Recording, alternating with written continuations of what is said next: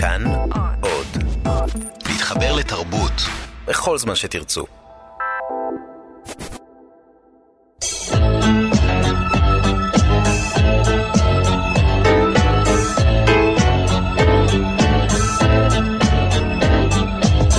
גיבור תרבות הדוקטור דן הרב והדוקטור דוד גורביץ' באולפן עם יונתן גת.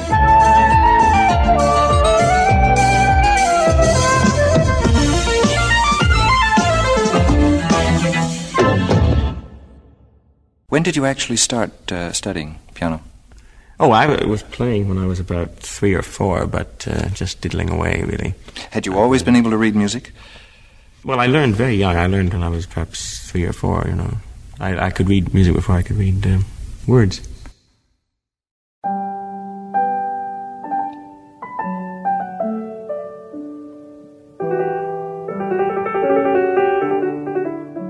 כן, שמענו את קולו של גיבור התרבות שלנו לתוכנית הזאת, מי שכונה עוד בחייו פסנתרן האלים, גלן גולד, שבימים אלה אנחנו מציינים את יום השנה למותו.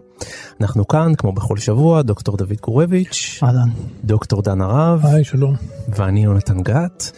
והיום יש לנו גיבור תרבות מאוד מעניין. אתם יודעים שרוב גיבורי התרבות הגדולים שבאים מתחום המוזיקה הם בדרך כלל זמרים וזמרות. אנחנו רואים את זה גם אצלנו, בתוכניות שלנו. בתחום המוזיקה הקלאסית אלה הם המלחינים הגדולים, אבל יש מעט מאוד גיבורי תרבות גדולים עם השפעה תרבותית רחבה שהם נגנים בעצם. אנחנו מכירים כנרים כאלה, כן? פרלמן, צוקרמן, אייזק שטרן, יאשה חפץ. יש גם צ'לנים כמו ז'קלין דופרה או פבלו קזלס, ובחליל צד יש את uh, ז'אן פייר רמפל, אבל אין ספק שאחת האגדות הכי גדולות של עולם המוזיקה הקלאסית, שניתן לה מעמד כמעט כמו של מלחין גדול, זה הפסנתרן גלן גולד. נכון, אני חושב שזה בעצם המבצע הגדול של המוזיקה הקלאסית שאנחנו מדברים עליו לראשונה. כלומר, הגיבור כמבצע, כפרפורמר. מבצע במובן של פסנתרנות, של פרשנות מוזיקלית, ומבצע במובן של אומן שעומד מול קהל. שרוצה לדבר עם הקהל, או רוצה להינתק מהקהל, שבורח מהקהל, או רוצה לחבק את הקהל, או להיות מחובק על ידי הקהל, או להיות פרנואיד מול הקהל.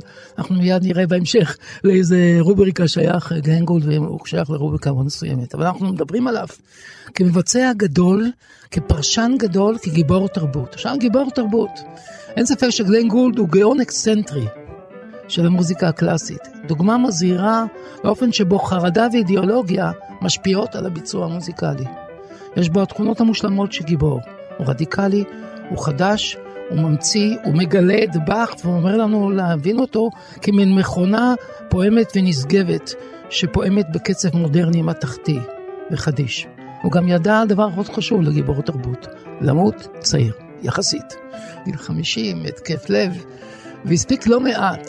אז עם כל התכונות האלה, הפכו אותו צעיר לנצח, ובסופו של דבר דמות מעוררת השראה.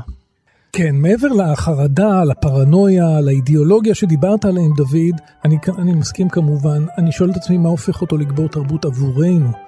ומה שהופך אותו לגיבור תרבות עבורנו, נדמה לי שהוא יצר מודל חדש של האזנה למוזיקה. אני חושב שההאזנה שלנו למוזיקה, בוודאי מוזיקה קלאסית ואולי בכלל, לפני גלן גולד ואחרי גלן גולד, היא שונה לחלוטין. Mm-hmm. כי במוזיקה קלאסית יש לנו את הפרטיטורה, יש לנו את התווים, יש לנו את מה שרצה המחבר לומר. ויוצרים ומבצעים בעיקר כאלה ואחרים מנסים לכוון לדעתו של המחבר ולהוסיף את הפרשנות האישית שלהם. נדמה לי שגולד פשוט פסח על שני הסעיפים. הוא פשוט שם בצד את השאלה מה, מה כוונת המחבר. הוא יצר לפרשנות האישית, לטיעון, באיזשהו מקום קראתי שמבקר התרבות הדגול, אדוארד סעיד, הגדיר את הנגינה של גולד כנגינה שתמיד יש בה טענה, תמיד יש בה טיעון מאוד מאוד ברור. Mm-hmm. זאת אומרת, כל הפרופורציות, אם תרצו, בין השאלה איפה אנחנו עומדים מול היכולת של המבצע לכוון לדעת המחבר, הדבר הזה קורס לנגד עינינו. בהתחלה זה נשמע רדיקלי, זה נשמע אה, נועז ו, ואולי הזוי ואולי בלתי סביר, לא מתקבל על הדעת, צריך אה, להשתיק אותו. אבל דווקא ההתעקשות של גוד לאורך זמן יצרה איזושהי תמונה או יצרה בעצם איזשהו מצב שהמוזיקה שלו היא אפשרות חדשה. היא אפשרות חדשה של האזנה, של קבלת המוזיקה ואולי אפילו של גילוי מחדש של אותם יוצרים, אותם מחברים שהוא רצה בטובתם או שהוא בעצם העדיף לנגן. לא את כולם, אגב, אנחנו יודעים שהוא ביקר או שהוא רצה לנגן. רק מעטים מהם זכו לנחת זרועו. יפה, נחת זרועו זה ביטוי יפה. נחת זרועו זה תרתי משמע, עוד נדבר על נחת זרועו. גלן הרברט גולד, כן, קראו לו גולד, כך קראו לשם המשפחה המקורי שלו. נולד בשנת 1932 בטורונטו שבקנדה לשני הורים מוזיקאים. סבא רבא שלו היה בן דודו של המלחין אדוארד גריק, שהלחין בין היתר את פרגינט המפורסם. בגיל שלוש החל לנגן כשהמורה שלו, עד גיל עשר, הייתה אמו, שבכלל רצתה שישיר. כשהיה בן 22 כתב עליו מבקר המוזיקה של הוושינגטון פוסט, אחרי פחות משתי דקות הבנתי שאני מקשיב למשהו שהוא יותר מאשר יוצא דופן. מאז אותו פרסום הוא שמו נפוץ לכל עבר, והוא הפך לאומן מבוקש בכל העולם. מבקר המוזיקה של עיתון הארץ, המלחין אלכס אוריה בוסקוביץ', כתב עליו בשנת 58 בעת שביקר כאן בישראל, וכשהוא בן 25 בלבד, את הדברים הבאים שימו לב, נגינתו רוויה ידיעה עצומה השווה לידיעת דורי דורות של מוזיקאים. הוא מגלה ידיעה ויכולת שאי אפשר ללמוד אותן ואין הסבר רציונלי להן. אין לך אלא להשתמש במונחים תיאולוגיים ולחשוב על האצלה מן הספרות העליונות לשם התופעה החד פעמית זאת. גולד הקליט במהלך חייו למעלה מ-70 אלבומים, לא כולל הופעות חיות. נחשב לאחד הפרשנים הגדולים של באך בכל הזמנים, ומבקרי מוזיקה כתבו כי לעולם לא ניתן יהיה לנגן את באך באותה צורה אחרי ששומעים את נגינתו. הוא דרש שחדר ההקלטות יהיה מחומם בטמפרטורה מדויקת. הוא היה חולץ את נעליו לפני הנגינה ולכן היה לו צורך בשטיח מתחת לכפות רגליו. הוא הקפיד שהכיסא שעליו הוא מנגן יהיה בגובה 33 סנטימטרים בדיוק, ואם הוא לא היה כזה, הוא היה מגיע לפני ההופעה ומנסר אותו. מאוחר יותר אביו בנה לו כיסא, שאותו לקח לכל מקום בעולם, וקרא לו בן משפחה. הוא נעצר פעם אחת על ידי המשטרה, שחשבה שהוא נווד כשישב בפארק עם מעיל עבה וכפפות במזג אוויר חם. הוא נהג לבטל הופעות ברגע האחרון, בגיל 31 פסק מלנגן בהופעות חיות תוך הצהרה שהופעות פומביות בשבילו הן סבל, ועבר להשקיע את רוב מאמציו בהקלטות.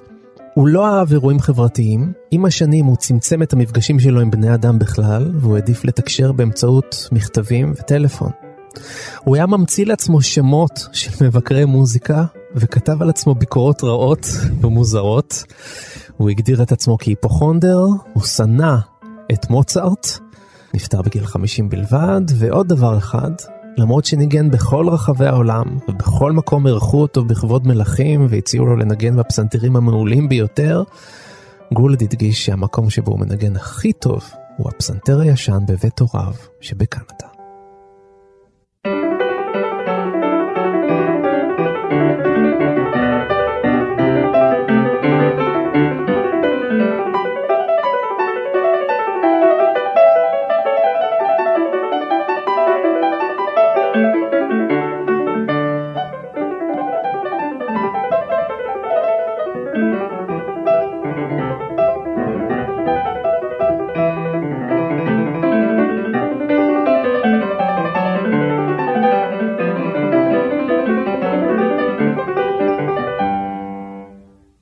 כן, שמענו את אה, וריאציות גולדברג, ההקלטה הראשונה למעשה שגלן גולד ביצע כשהוא בסך הכל בן 22. וזה אחד הביצועים הכי מזוהים עם היצירה הזאת, הביצוע שלו. אז בואו נתחיל לדבר קצת על אופן הנגינה של גלן גולד. מה בעצם כל כך מיוחד פה? אפשר להגיד שאחד המאפיינים הבולטים של גולד הוא הריחוק. גלן גולד נחשב לפסנתרן מרוחק, אפילו מעט נוקשה. מה זה אומר? פחות השתפכות בנגינה. הוא לא בוכה על הפסנתר, מה שנקרא. אנחנו מכירים פסנתרנים אחרים שידוע שהנגינה שלהם מאוד אמוציונלית, מאוד דרמטית. הם uh, משאירים שלולית דמעות אחרי הביצוע. גלן גולד מחזיק את עצמו. זה לא שהוא אטום או חסר רגשות, ממש לא, אבל כן יותר אסוף. הוא פחות רומנטי, יש כאלה שיגידו אפילו יבש, וזה מתבטא טכנית בנגינה שהיא יותר סטקטואית. סטקטו זה ביטוי באיטלקית שהמשמעות שלו מנותק. ובעולם המוזיקלי הכוונה היא שצליל נפרד מהצליל השני שבא אחריו. בניגוד ללגטו, שזה תו מחובר לתו שבא אחריו, בסטקטו יש הפרדה. אה, אפשר לתאר את זה כמו אה, נקודות נפרדות לעומת אה, קו אחד נמשך.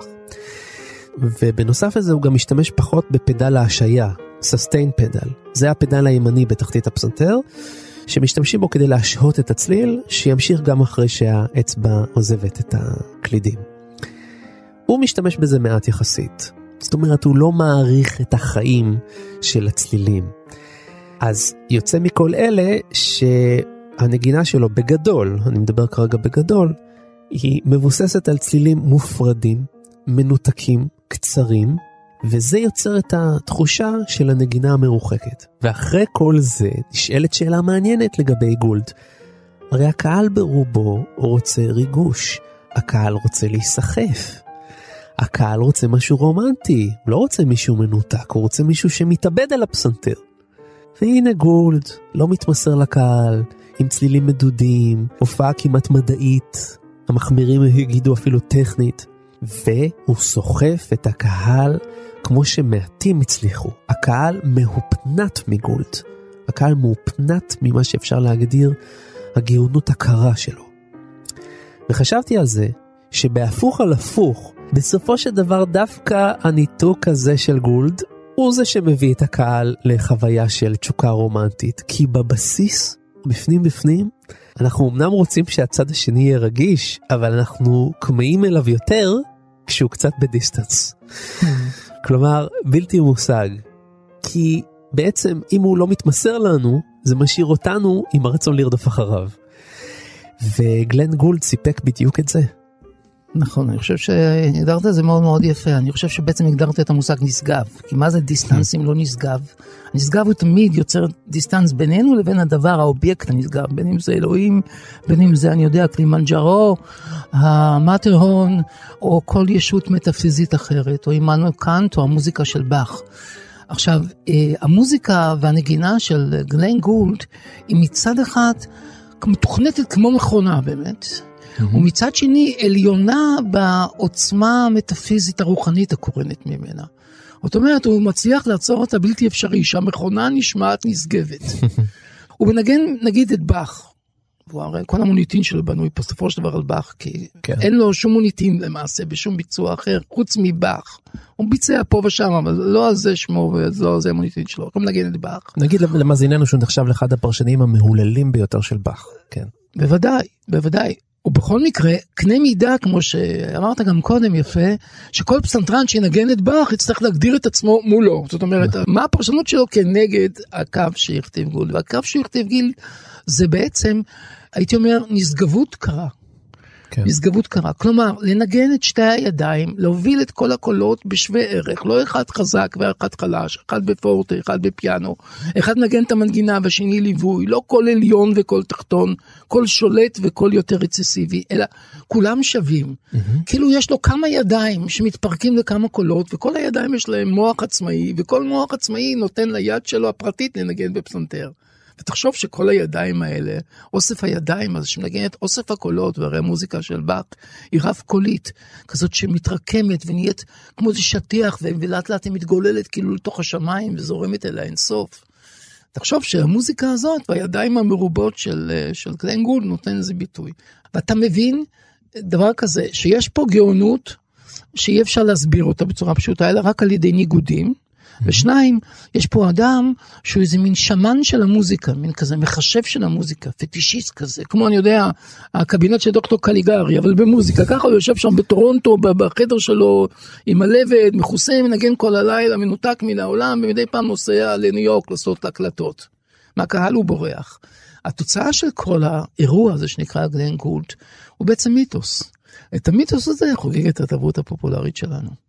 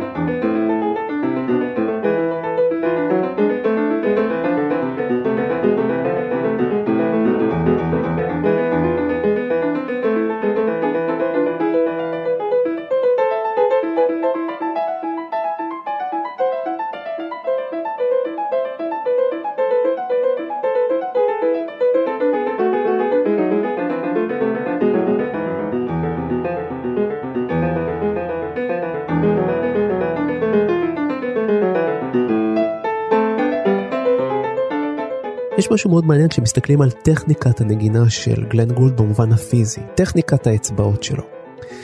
באחד הדוקומנטרים שיצרו על גולד, הופיעה שם מורה לפסנתר, קשישה שהכירה אותו היטב, והיא מתארת את טכניקת הנגינה שלו בצורה הבאה. תדמיינו לעצמכם יד פתוחה מעל קלידי הפסנתר, כאשר כל אצבע מחוברת כמעט כמו עם קפיץ למפרק. וכשהיא מקישה על כל קליד היא מיד חוזרת לנקודת המוצא, היא מיד קופצת בחזרה. ככה היא מתארת את גלן גולד מנגן. זה גם מתחבר מאוד יפה לנושא של הסטקטו. אתם זוכרים שדיברנו על זה שהצלילים mm-hmm. שלו, ברובם, ביצירות שלו, הם מופרדים, מנותקים. אז גם פה, האצבע נוגעת וחוזרת. עכשיו, זה בדיוק מה שקורה גם בתוך הפסנתר. הרי בתוך הפסנתר יש שורה של מיתרים, ויש פטיש שנוקש על כל מיתר, וגם הוא חוזר לנקודת המוצא מיד, אחרי שמסתיימת הנקישה. זאת אומרת שהאצבעות של גלן גולד משמשות כמו פטיש המיתרים של הפסנתר. הן הופכות להיות שלוחה אחת. וזה אולי מסביר למה הנגינה של גולד היא מרגשת כל כך, או מיוחדת כל כך, כי מצד אחד יש בזה משהו טכני, כמו המכונה, מכונת הפסנתר. מצד שני, יש בזה משהו מאוחד, משהו שלם, כמו גוף אחד. אני חושב שאתה מדייק מאוד, ובאמת, תסתכלו אתם, אתם ששומעים עכשיו את התוכנית, באמת אתה ממש, אני מברך אותך על מה שאמרת עכשיו, כי ממש בצורה, הייתי אומר, מיקרוסקופית הדגמת את זה. תחשבו, הוא יושב ככה מכווץ כמו עכבר קטן, ככה למטה על הכיסא 35 סנטימטר שלו, ואז הידיים הם כאלה, הם כאילו... כלפי מעלה. כלפי מעלה, כי, כי יחסית הוא נמוך.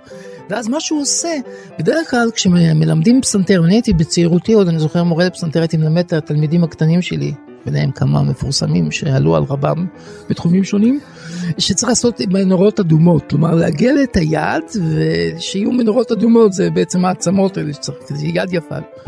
הייתי אומר ש...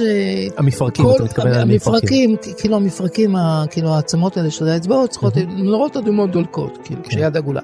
הייתי אומר שגלן גולד לועג לא בכלל לתפיסה הכללית הזאת של איך להחזיק את היד הפסנתר, כמו שאתה אמרת, יש לו יד כזאת, צ'אק, צ'אק, הוא מקיש, כאילו מדובר, ב, הייתי אומר, מכונת כתיבה. מכונת כתיבה, או, זה דימוי יותר חזק, יותר קרוב אליו, בדיוק המקושים של הצ'מבלו, אתה מבין? הצ'מבלו לא מבטא רגש, הוא מקיש ומשמיע את הציל, אז הוא צ'אק, צ'אק, צ'אק, ואתה שומע בעצם את הצביטות האלה כל הזמן. זהו, עכשיו, מהדבר המגוחך הזה, איך הוא מוציא ציל אלוהי לפעמים?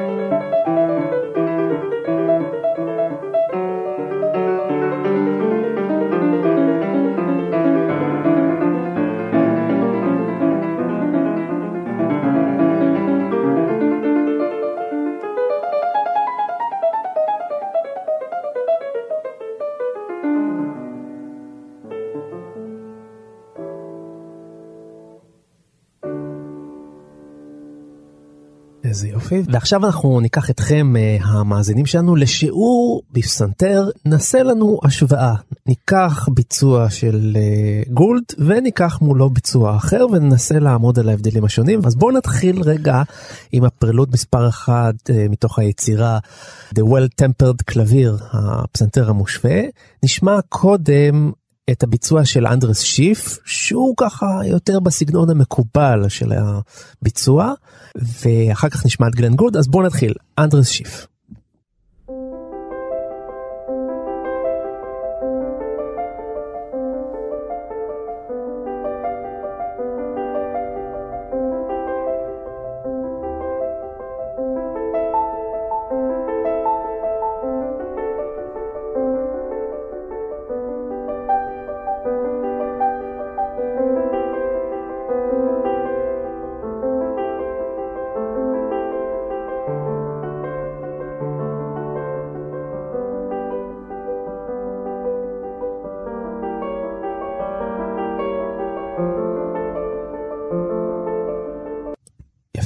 עכשיו אנחנו, נכון? אין הפתעות פה. עכשיו אנחנו נשמע את הביצוע לאותה יצירה, נשמע את הביצוע של גלן גולד. הנה.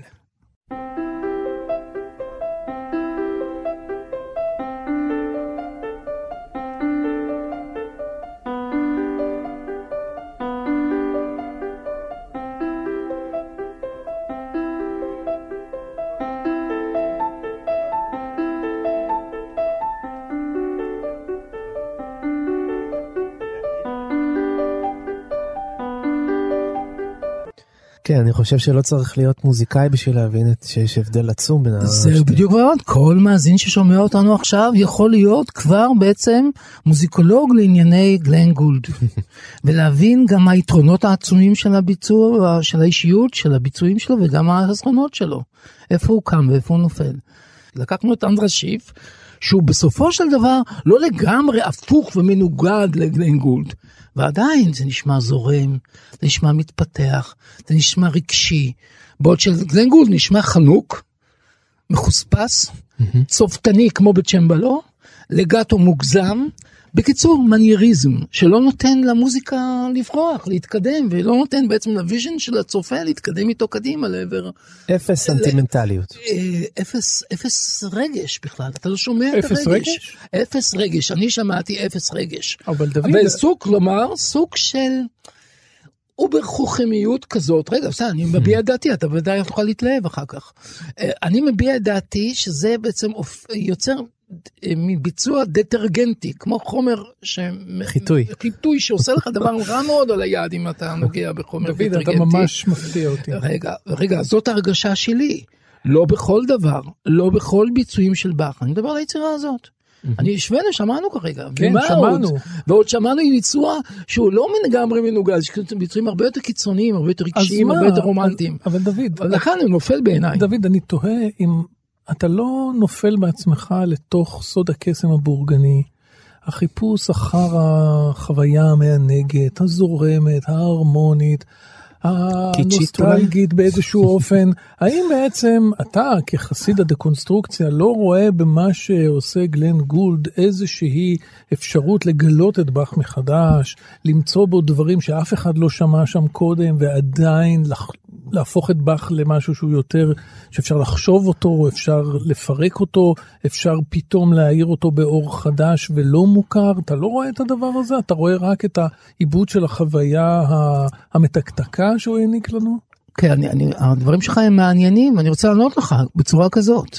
א', אני לא חושב שצריך לעשות דקונסטרוקציה לבאך. באמת הוא עושה דקונסטרוקציה כזאת, כאילו מפרק אותה ואומר אני אברא באך חדש, אני אברא באך אנליטי, באך שכלי, באך שאין בו טיפת רגש, טיפת נשמה. בעיניי זה דקונסטרוקציה שלא במקום, שרק עושה נזק עצום למוצר ולתוצאה הרגשית. אותי כמאזין שמכיר את כל, הרבה מאוד ביצועים של באך, בוודאי אחד הדברים הכי מוכרים בעולם זה, זה הפעילות מספר אחת בדו מז'ור הזה. אגב, גם גרוניך פיצה אותו לפני שנים, אתה זוכר, מאחורי הצלי עם מתי כספי, בצורה אחרת קצת. אז אה, לי זה לא נותן לחיות ולנשום. ואני לא רואה בזה משהו כזה, איזה מין אה, הישג אנטי בורגני, אלא להפך, אני פשוט אה, אה, רואה בזה התעללות בי וחוסר יכולת לתת לי לנשום. אוקיי. Okay. עכשיו נעשה למאזיננו אה, אתגר קטן, אנחנו נשמיע לכם קטע מתוך הסונטה הפתטית של בטהובן, חלק מספר 2, אנחנו לא נגיד לכם את מה אנחנו הולכים להשמיע, אוקיי? אחד הביצועים הוא של גלן גולד, אחד הביצועים של ברנבוים. נתחיל בביצוע הראשון.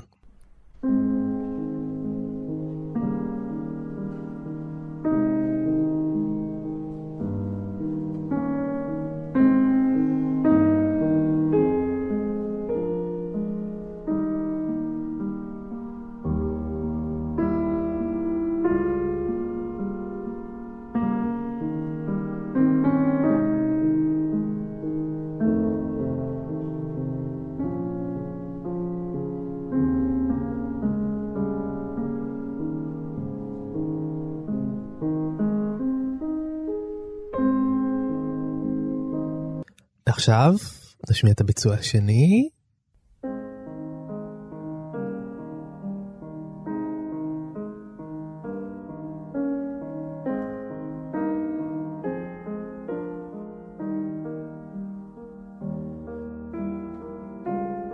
טוב, עכשיו תנחשו, נו, דן, מה אתה אומר? אני אומר שהביצוע הראשון הוא של דניאל ברנבוים והשני של uh, גלן גולד, צדקתי? אתה צודק. אכן ככה. אותי בכלל לא שאלת, כאילו. לא, כי אתה יודע, דוד.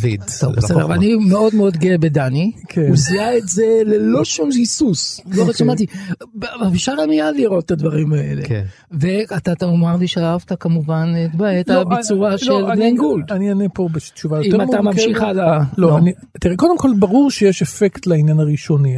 בדרך כלל נראה לי שהמפגש הראשון עם היצירה, גם אם שמעתי אותה בעבר כמובן, יש לו איזשהו אפקט יותר חזק.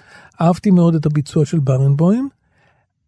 לא סבלתי מהביצוע של גלן גולד. לא, לא, לא, לא נטיתי לעשות השוואה של מה טוב ומה רע.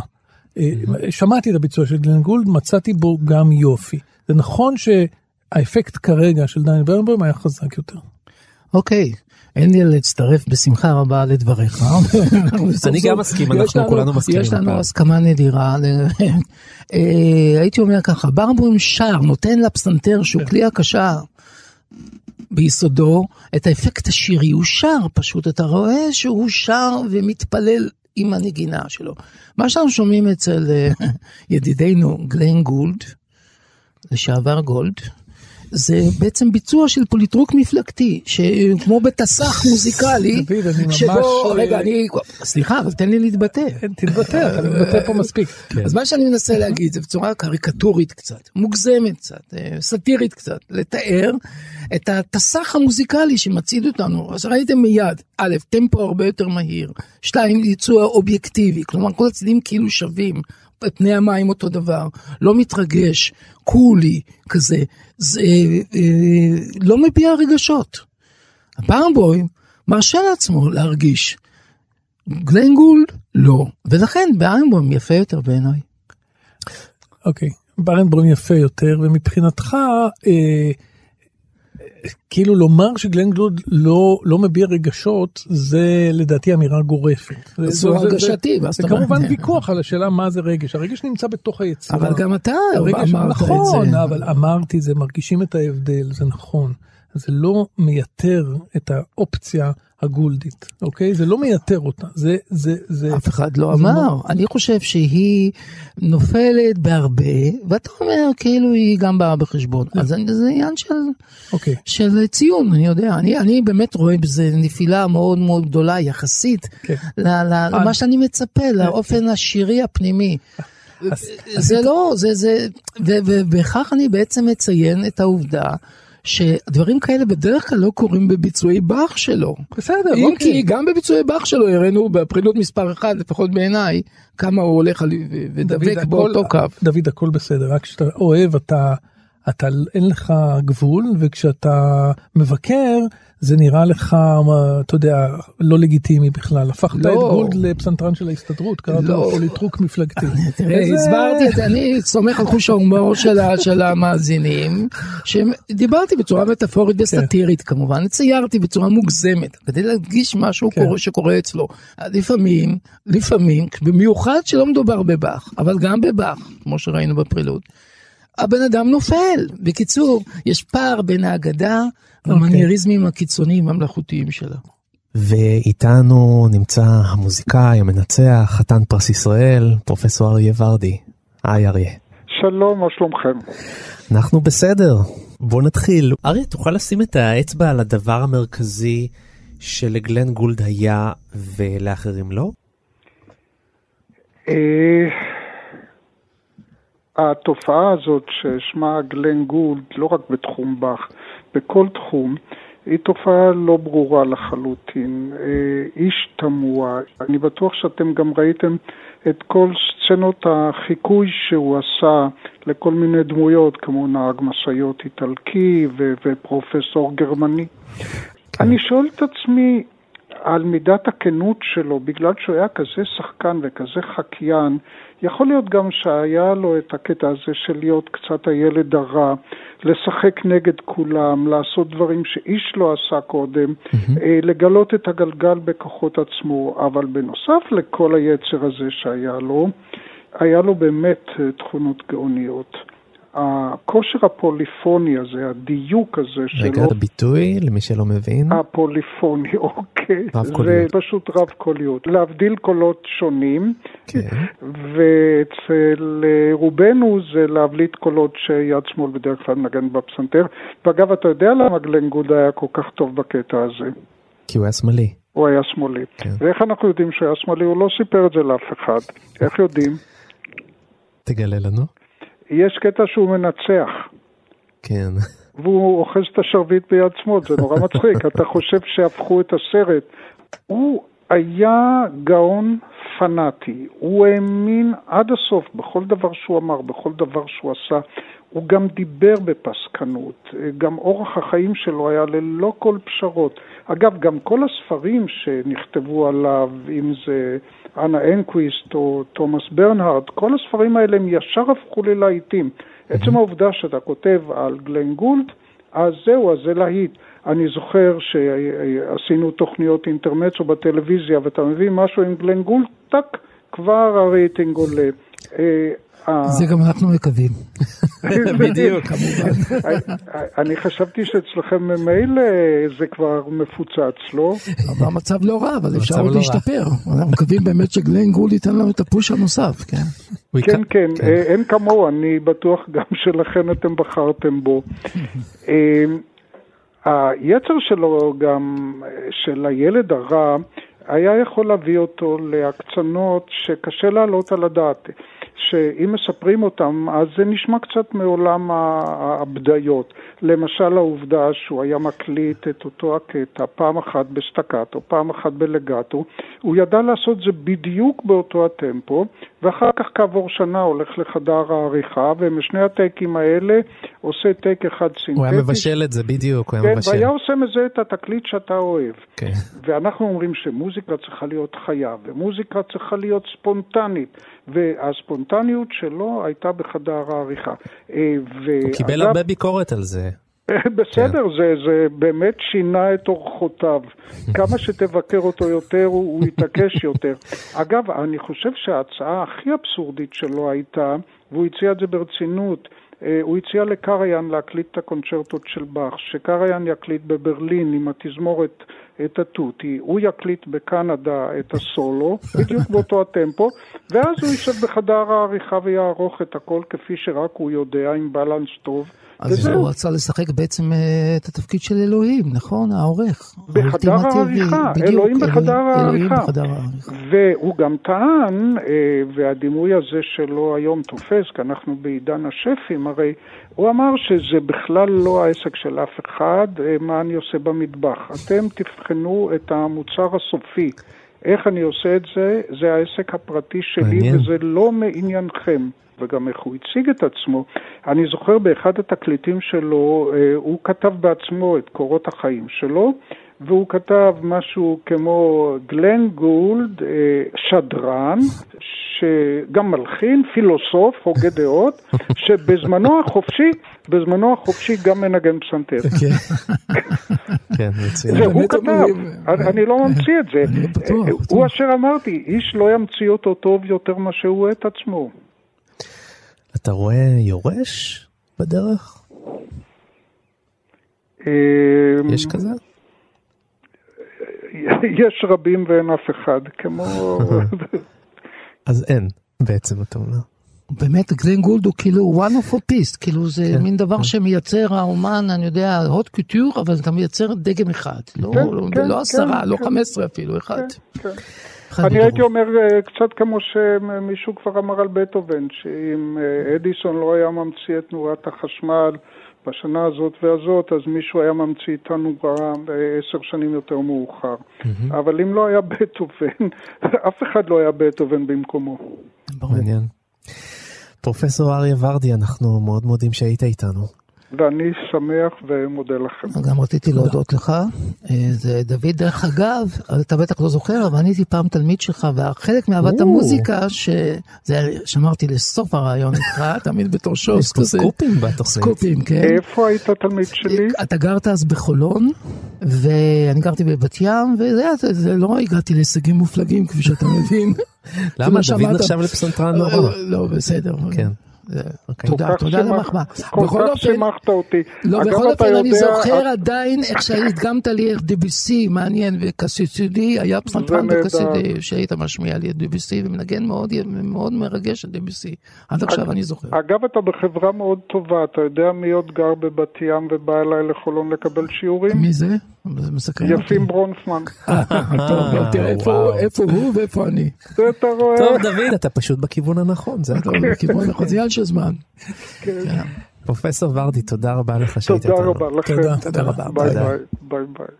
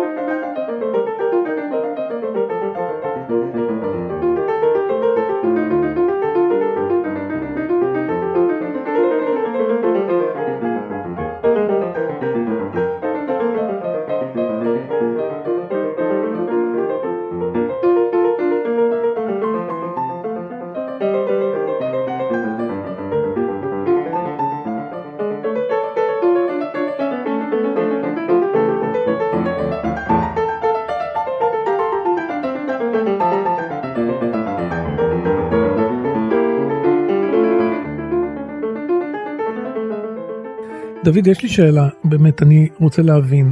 אה, בכר, אני יודע שהרבה פעמים הוא נחשב למלחין אנליטי באיזשהו אופן, למרות שכמובן שיש שם הרבה מאוד רגש, אני יודע שהרבה פעמים... תמיד אמרו לו שבאך זה מתמטיקאי. בדיוק, כן. בדיוק. ורציתי לשאול אותך, האם בעצם גולד הוא בגדולתו כשהוא בוחר מלחינים שהם יותר אנליטיים באיזשהו אופן, וכשהוא בוחר במלחינים רומנטיים, שם הוא, הוא נופל לפחות לדעתך. אני חושב שאתה פשוט ניסחת את זה, אין לי מה להגיד אלא בדיוק כשאתה מביע את מה שאני חושב.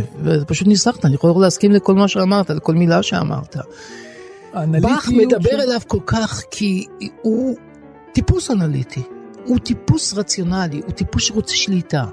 שליטה על ידי פירוק, כמו שברק, אהוד ברק אוהב לפרק שעונים, הוא אוהב לפרק מוזיקה. ומוזיקה היא בסופו של דבר מתמטיקה, כי מה זה מוזיקה? זה הרמוניות, כלומר יחסים מתמטיים בין מרווחים. מה זה מוזיקה? מוזיקה זה הרמוניה ומלודיה, הרמוניה זה יד שמאל, האקורדים, המרווחים, ויד ימין מנגנת את המנגינה.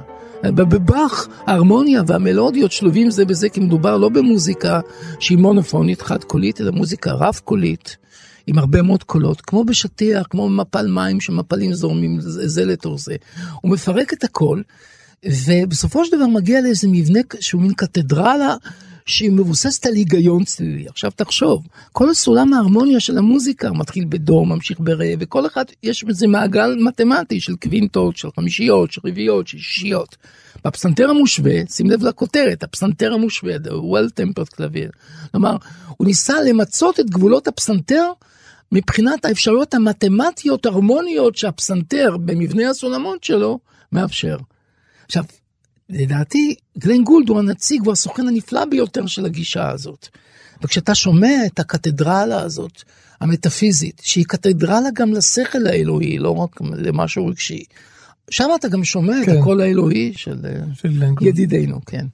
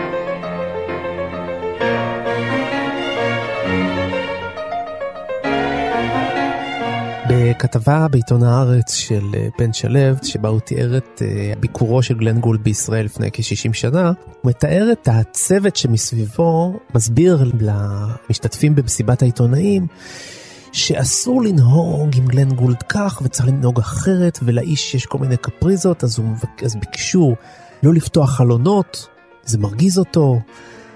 אל תצלמו אותו בשום פנים ואופן, הוא שונא פלאשים, שונא צילומים וכו' וכו' וכו'. ואז uh, בכתבה מתואר שנכנס גלן גולד, והוא מבקש לפתוח חלון, ושואלים אותו אם אפשר לצלם אותו, והוא אומר למה לא.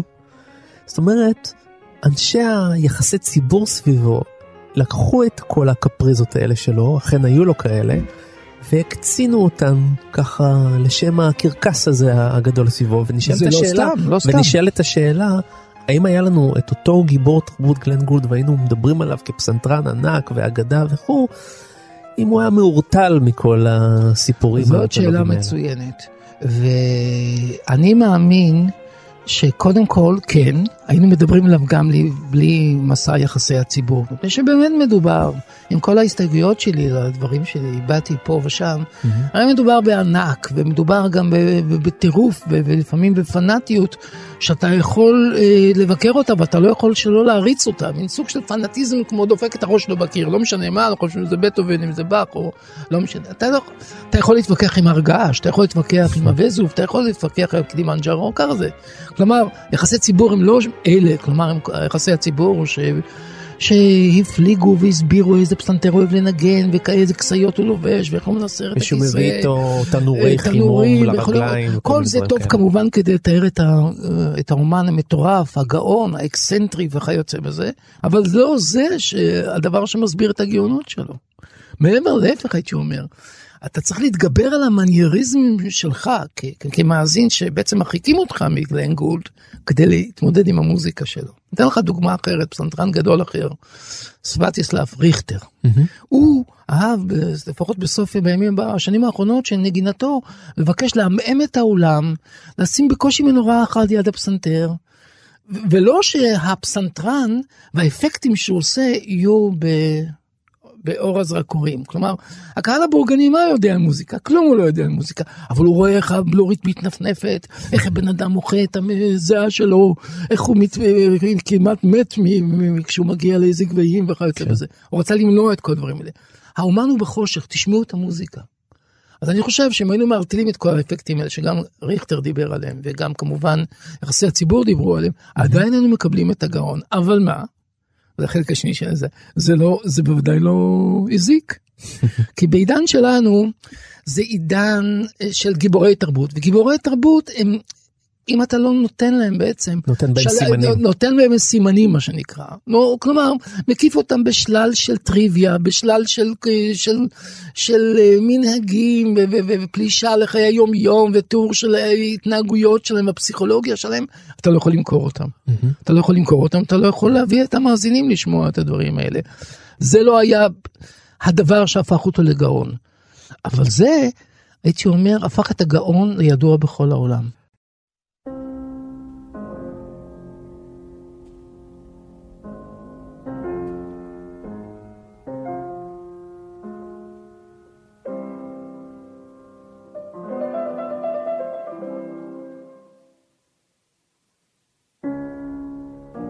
לקראת התוכנית הזאת יצא לי לקרוא ספר של תומאס ברנרד, הסופר האוסטרי החשוב, שכתב ספר בשם הטובע, עם ט', כן, הטובע במים. אה, זה ספר עלילתי כמובן, הוא מומצא לחלוטין, אבל אחת הדמויות בספר הזה זה גלן גולד. אה, ברנרד אה, טווה שם איזשהו סיפור שבו לכאורה הוא המספר, גלן גולד ועוד גיבור הספר, ורטהיימר, הם בעצם תלמידי פסנתר. ובעצם הם פוגשים את גלן גולד והוא בסופו של דבר גורם לשניהם, לשני האחרים לפרוש ממלאכת הפסנתר מכיוון שהם מבינים שהם לא בליגה הזאת. והוא בעצם uh, שם בפיו של גלן גולד מספר uh, משפטים חכמים בספר הזה שאני חושב שהם משתלבים עם דברים שאמרת. הנה מה שגלן גולד אומר בספר התובע של ברנרד. קיומנו מושתת על התנגדותנו המתמשכת לטבע ועל התגייסותנו נגד הטבע. עלינו להתגייס נגד הטבע עד שנרים ידיים, כי הטבע חזק מאיתנו, הטבע שאותו הפכנו מתוך יהירות למוצר מלאכותי.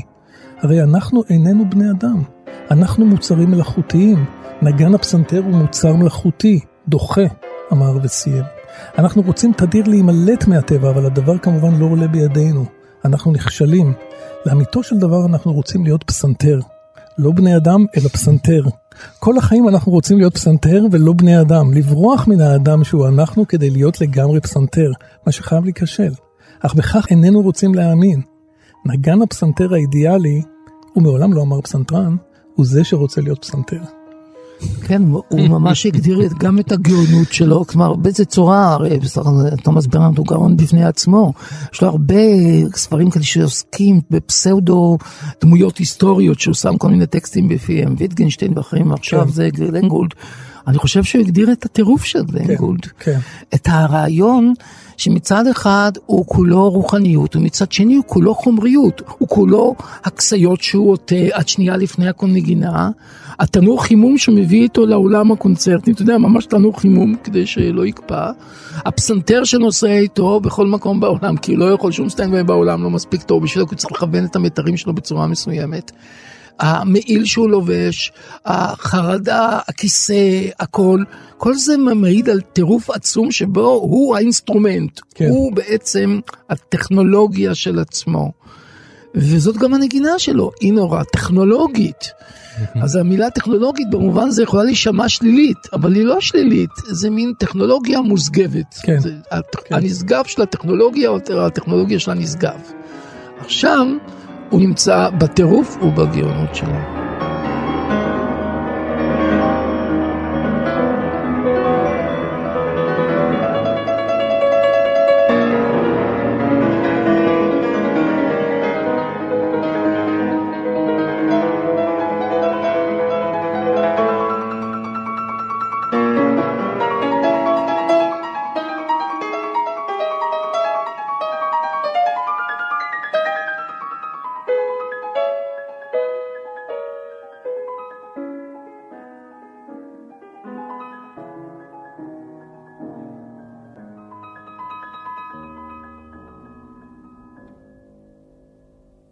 Glenn, how long since you've given a concert? It's about four years now. And they've been four of the very best years of my life. The life of a glamorous concert artist is hideous, is dead, is, is, part of the past. It was an experience that I wanted to be rid of and to shuck off as quickly as I could. And when that moment came, I, I did it. And I think it would be a terribly retrogressive step to, um, to retreat back into the embrace of the concert. אתם יודעים, מעניין, אנחנו גם דיברנו וגם הדגמנו שגלן גולד אוהב את התווים מופרדים אחד מהשני, כן. סטקטואים יותר, וזה קשור מאוד גם לאופי שלו כנראה. הוא גם כן אה, הפריד את עצמו מהסביבה, פסק מלנגן בהופעות חיות מיעט במפגשים. אומרים שהוא מאוד לא אהב שנוגעים בו, מספרים שבאחת ההופעות מישהו נתן לו טפיחה על השכם, והוא חשב לתבוע אותו על זה. אה, אתה רואה, מדובר בחצי מטורף. אז... אה, היה מקבל את זה כמחמאה גדולה לקרבה רגשית. כן. מה זה נגיעה? כקרבה רגשית. הייתה לו בעיה בנגיעה רגשית, זה מה שהדגמת עכשיו, יונתן, בלי להרגיש, כן, היית פסיכולוג. גם בנגינה. אז, אבל תחשוב, עזוב נגינה, נגיעה. כן. דין נגינה כדין נגיעה.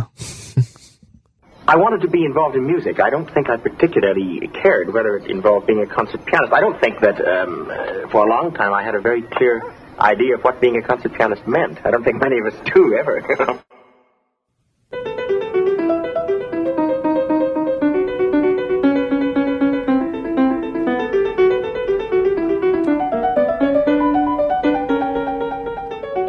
סיימנו, אבל אה, זה לא הכל, כי אנחנו רוצים להזמין אתכם להיכנס לעמוד הפודקאסטים שלנו, של גיבור תרבות, שם אתם תוכלו להקשיב לעוד תוכניות ששידרנו עד היום, והיו הרבה כאלה, וביניהן גם תוכנית גיבור תרבות על פרנץ שוברט. עסקנו בו, ביצירה שלו, ואתם מוזמנים להקשיב.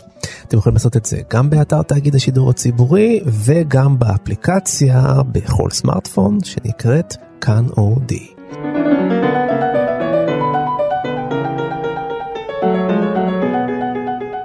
אנחנו רוצים להגיד תודה לטכנאי נדב זילברשטיין, לשלומי בן עטיה ולאייל שינדלר שהביאו אותנו כאן לשידור.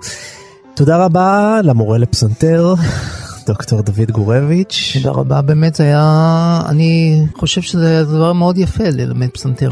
אתה חוזר? ברדיו. בתור סטודנט, לא, אני לא חוזר, אבל זה היה לי כיף לדבר בתוכנית הזאת. יפה מאוד. תודה. לא, זה מרגש. לא, מרגש מאוד. תודה רבה לך דוקטור דן הרב. תודה, יונתן. אני הייתי יונתן גת, ואנחנו נתראה בשבוע הבא עם גיבור תרבות חדש. להתראות. להתראות, ביי ביי. ביי ביי.